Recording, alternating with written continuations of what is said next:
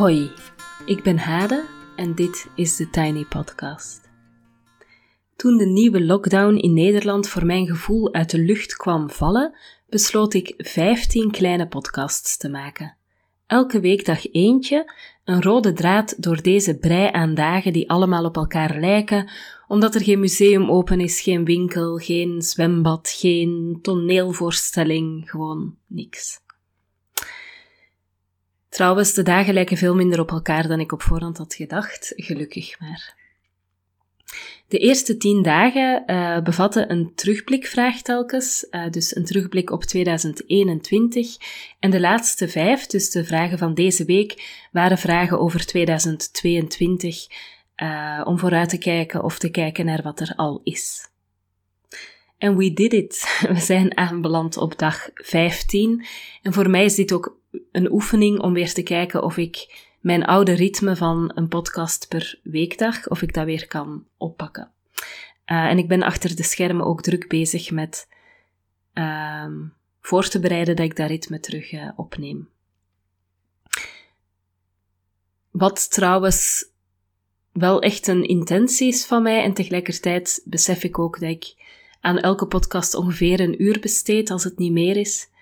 Dus dat betekent dat dat toch een uh, investering van vijf uren per week is. En dat is ook best veel. Dus ik ben uh, achter de schermen goed aan het zoeken naar manieren om dat ja, goed te kunnen aanpakken. Ik werk heel graag, ik werk ook graag hard, ik maak graag veel dingen, uh, maar ik denk dat ik de laatste tijd door de onvoorspelbaarheid van de realiteit, uh, en dat heeft dan te maken met al die lockdowns, schoolsluitingen, kinderopvangsluiting, uh, nou ja, het onvoorspelbare zeg maar, ehm, dat ik daardoor echt wel wat vertrouwen ben kwijtgeraakt dat ik bepaalde dingen kan volhouden of in orde kan krijgen. Um, en ik probeer dat vertrouwen terug te krijgen in een heel onzekere en wiebelige wereld, naar mijn gevoel. Voilà. Uh, maar we zijn op dag 15 aanbeland. Dit is alvast gelukt. En de vraag voor vandaag is: wat wil je doorbreken in 2022? Zet de podcast gerust even op pauze en gun jezelf een schrijf- of een denkmoment. Of misschien heb je iemand in je buurt met wie je graag praat, um, waarmee je daarover even wil praten. Um, en ik ga binnen een paar tellen ook antwoorden op dezelfde vraag aan de hand van een verhaaltje. Voilà. Wat ik wil doorbreken. Um, ik neem jullie even mee naar mijn puberteit, naar het middelbaar onderwijs. Um, ik had een vriendin in het derde middelbaar. Uh, ik had vaak zo een speciale goede vriendin. Ik weet niet of dat nu BFF zou, zou heten. Uh, ik heb het gevoel dat ik nooit echt een BFF gehad heb. Uh, maar er was wel vaak in periodes zo één vriendin die dan het dichtste bij stond. Um, en met die vriendin ben ik onder andere voor het eerst naar een festival geweest. Dat was heel grappig. Dat was Beach Rock en Um, ik herinner mij dat wij op iets van een soort van heel meisjesachtige sandaaltjes of slippertjes daar naartoe gingen. Terwijl dat er natuurlijk allemaal mannen waren met van die uh, boots. En op het moment dat er dan gesprongen werd, dat, dat, ik echt een uh, soort uh, angst had dat mijn tenen toen verpletterd zouden worden.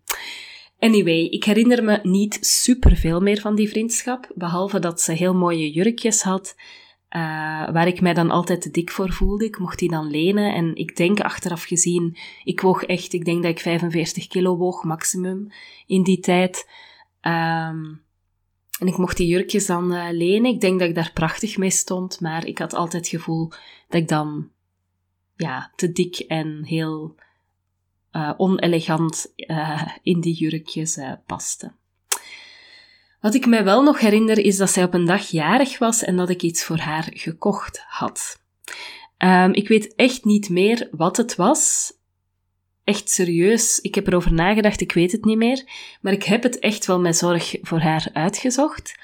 Alleen schaamde ik me al voor haar verjaardag voor mijn cadeautje. Uh, het leek zo onbenullig en ik begon me af te vragen of het wel waardig genoeg was, of het wel uitdruk, uitdrukte hoe ik me ten opzichte van haar voelde, uh, of het niet onnozel of stom was. Dus ik durfde het niet meer afgeven, uh, maar ik durfde er ook helemaal niks over zeggen en dat voelde heel naar en heel vervelend, want ik zat daar heel erg in vast.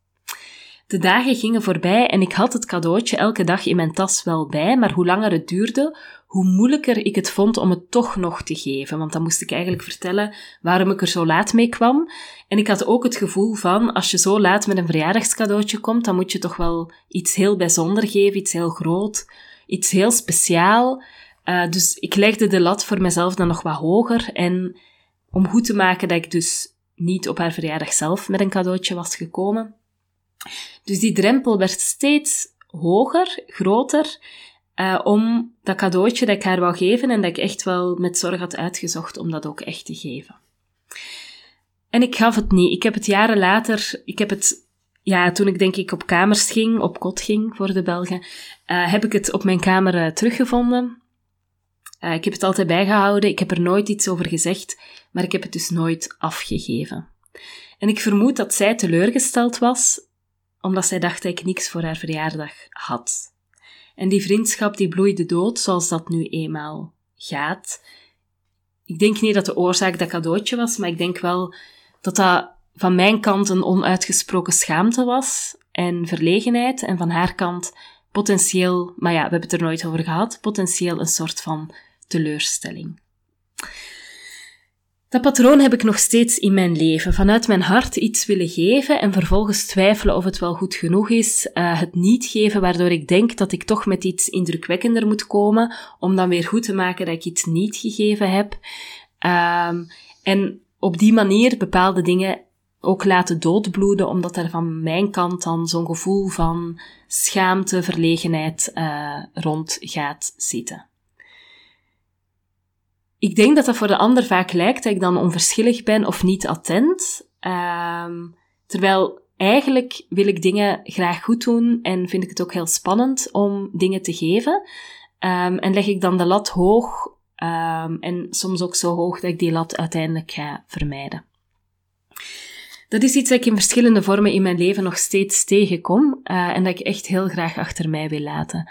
Het, het terugschrikken uh, mij terugtrekken, iets niet doen of geven of maken of weet ik veel aanleveren, omdat ik denk dat het niet genoeg is, uh, omdat ik bang ben dat ik niet genoeg ben. Um, het gaat dus intussen ook wel zowel om materiële dingen als om gewoon dingen van mijzelf, zeg maar. Ik heb brieven geschreven die ik nooit heb verstuurd. Ik heb berichten getypt die ik nooit heb verstuurd. Ik heb um, kaarten geschreven die ik nooit heb verstuurd. Ik heb dingen gemaakt die ik nooit heb afgegeven. Um, ja, eigenlijk allerlei van die dingen. Um, en hoe langer ik dat dan bij mij houd, hoe moeilijker het is om het alsnog te geven en hoe kleiner en gênanter het lijkt dat ik dan bijvoorbeeld twee maanden na een verjaardag of zo met iets kom dat ik wel al twee maanden had, maar dat dan heel onwaardig of zo lijkt om te geven, dat je dan na twee maanden dan met dat maar komt of zo. Ja, ik denk dat het een, ik vind het ook wel heel raar om te vertellen. Het is ook een beetje irrationeel. Maar zo dat gevoel van, um, niet genoeg zijn, niet genoeg kunnen geven, mij schamen voor wat ik te geven heb, dat wil ik echt heel graag loslaten in 2022. Vooral ook omdat ik geloof in geven vanuit het hart uh, vanuit wat je wil geven en niet vanuit een afstemming op iemand wat die zou willen krijgen. Ik vind de mooiste dingen uh, zijn dingen die iemand gewoon vanuit het hart wil geven en niet iemand die dan heel erg zich verdiept heeft in wie je bent en wat dat je eventueel dan leuk zou vinden en dan een soort van rationele keuze daarin maakt. Dus in die zin hoop ik dat ik daar een beetje van afkom, want het ruist echt vreselijk in tegen mijn eigen principes. Voilà, dat was uh, wat ik graag wil loslaten in 2022. Ik ben ook wel benieuwd naar wat jullie graag willen loslaten. En ik geef ook nog een laatste tip mee, want ik heb geprobeerd om elke dag ook een tip te geven.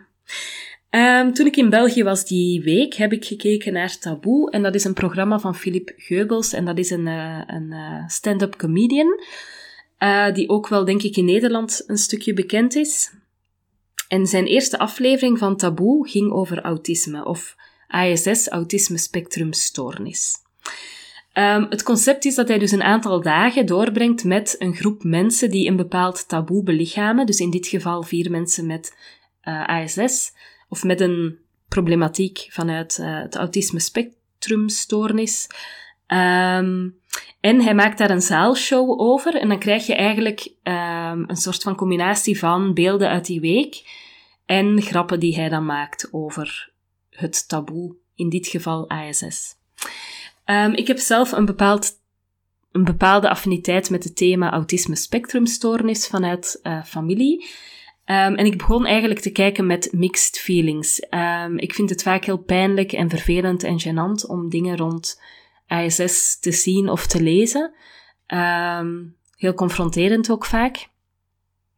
Maar hoe langer ik keek, hoe meer het mij raakte.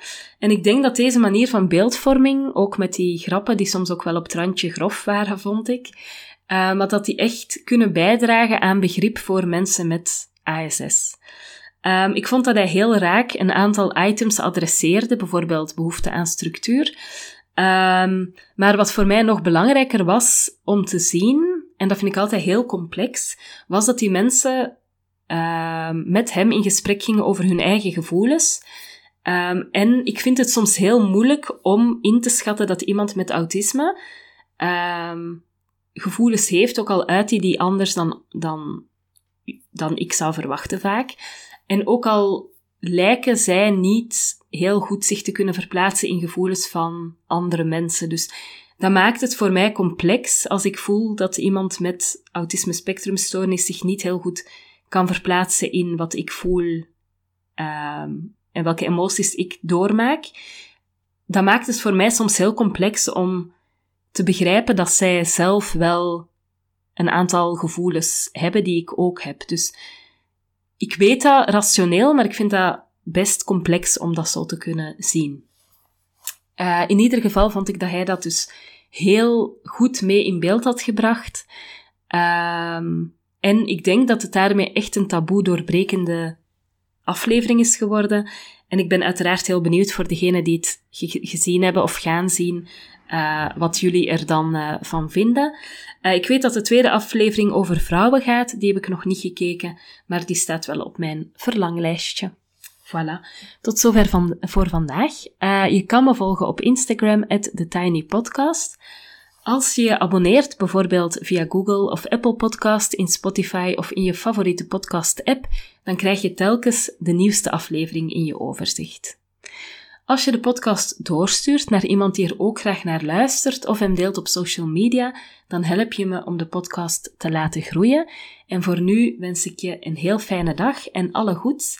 En voor iedereen die de hele reeks van 15 incheckvragen mee heeft gedaan, uh, één woord, wauw, wat ontzettend leuk. En voor mensen die gewoon één keer of een paar keer mee hebben gedaan met inchecken bij zichzelf, met uh, bewust reflecteren aan de hand van een van de vragen, uh, ook heel erg bedankt. Uh, ja, ik vind het heel fijn omdat dan, uh, dat dat dan op die manier werkt. Voilà, heel graag tot maandag en voor nu een fijn weekend. tot gauw.